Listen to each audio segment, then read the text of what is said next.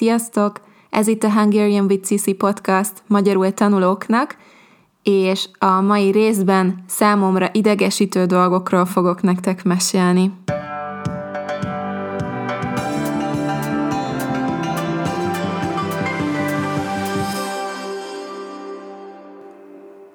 Lesz egy új dolog a podcastokkal kapcsolatban. Minden rész elején szeretném személyes hálámat kifejezni azoknak, akik a Kofi oldalamon, Patreonon vagy bárhogy támogatják a munkámat. Mindenkinek nagyon szépen köszönöm.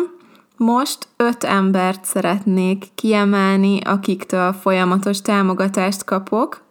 Köszönöm, Rafael, nem csak a rengeteg kávét és a kedves szavakat, hanem azt is, hogy mindig lelkesen csinálod a feladatokat Patreonon, mert Rafael egyébként Patreon tag is.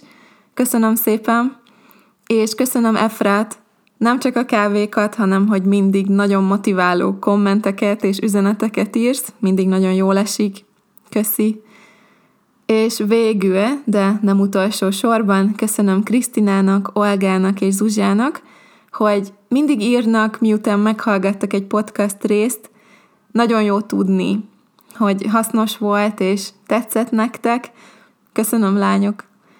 És képzeljétek, pénteken teljesen véletlenül találkoztam Krisztinával Budapesten, anyukámmal kávéztam a Blaha téren, és oda jött hozzám köszönni.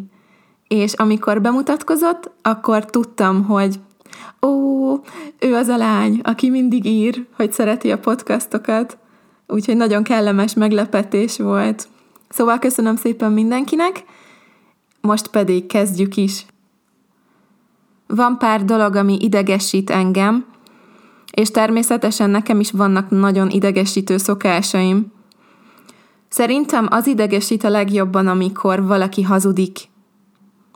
Amikor valakinek a szeme serebben, ez azt jelenti, hogy teljes nyugalommal csinál valamit, amikor valaki úgy hazudik, hogy a szeme se rebben, és olyan fantasztikusan adja elő a történetét, hogy még ő maga is elhiszi, és látod rajta, hogy milyen okosnak képzeli magát, és milyen elégedett, hogy így elő tudta adni a sztorit.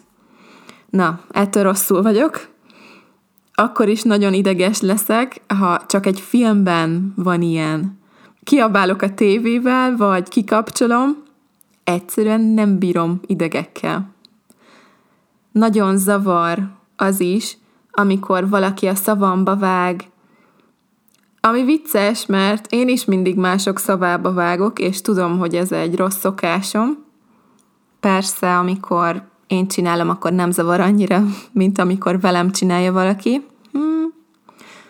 Aztán, hogy őszinte legyek, nekem tele van a hócipőm a médiával. Az, hogy valakinek tele van a hócipője, azt jelenti, hogy már nagyon elege van valamiből, nagyon zavarja valami, a médiának mindig nagy és fontos szerepe van, de most ezekben a nehéz időkben végképp, és nem hogy segítenének, még jobban megnehezítik az életet, a sok bizonytalan hír terjesztésével és a gyűlölet szításával.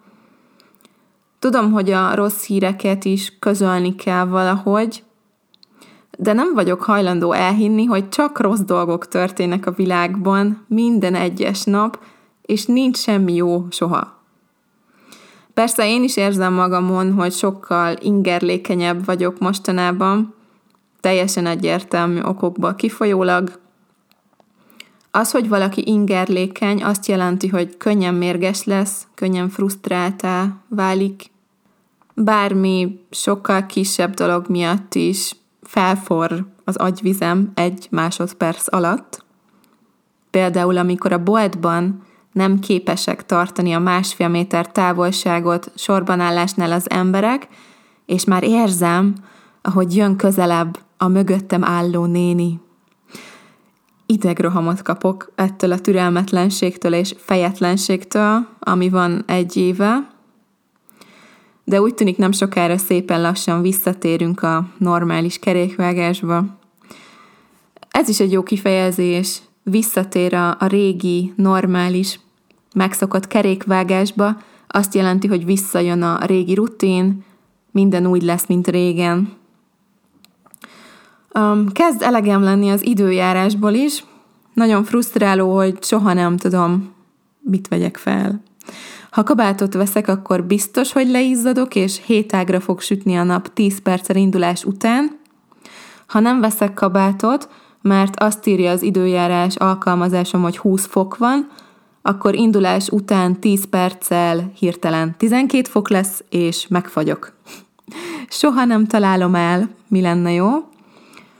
Amikor Amerikában voltam, az Egyesült Államokban, ott mindenhova kocsival mentem, és mindig volt nálam kabát ősszel vagy télen, de megőrültem attól, hogy a kocsiban túl meleg van, és a bevásárlóközpontban is, és igazából csak addig a két percig van szükségem kabátra, amíg a kocsitól elmegyek a boltig, vagy étteremig, vagy moziig, és egyik nap, bár egy hideg téli nap volt, azt gondoltam, hogy mm, nem hozok kabátot. Minek? Hiszen csak étterembe megyünk. Aha. Akkor először nem találtunk parkolóhelyet sehol az étteremhez közel, és három fok volt kávé, és nagyon fújt a szél, és tíz percet sétáltunk. Szóval, igen, nehéz az élet. Amitől a legjobban kivagyok mostanában, az a szomszédom. Pontosabban, akitől kivagyok. Tudni kell hozzá, hogy panelban lakom. A panelház vagy panelépület, röviden panel, egy előre gyártott vasbeton elemekből készült épülettömb. A magassága átlagosan 20-30 méter. A 20. század nagy világháború után kialakult lakáshiányt ezzel a gyors és olcsó építési technológiával próbálták csökkenteni. Köszönöm a segítségét a Wikipédiának, én nem tudtam volna ilyen jól megfogalmazni. Én annyit mondtam volna, hogy csúnya, szürke és olcsó. Egyébként nagyon szeretek itt lakni a kis lakásomban, csak megkeseríti az életemet. Megkeseríti az életemet, hogy mindent lehet hallani, és nincs egy nyugodt percem sem. Mindig ordít valaki, vagy hangosan szól a tévé, vagy a zenét bömbölteti valaki, vagy sír a gyerek, vagy ugat a kutya.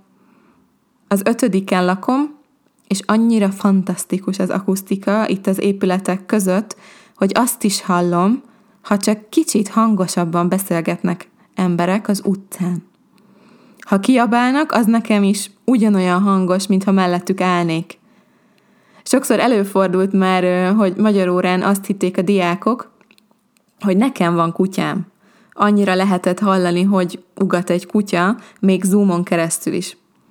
Mondtam nekik, hogy az utcán ugat egy kutya. Azt hallják, és az ötödiken lakom egyébként.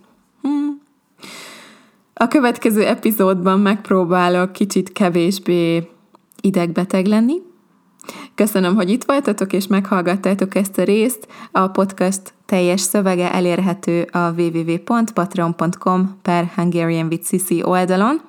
Aki pedig szeretné egy kávéval támogatni a munkámat, az a www.coffee.com per Hungarian with Sisi oldalon megteheti. Vigyázzatok magatokra, szép napot, reggelt, estét mindenkinek. Sziasztok!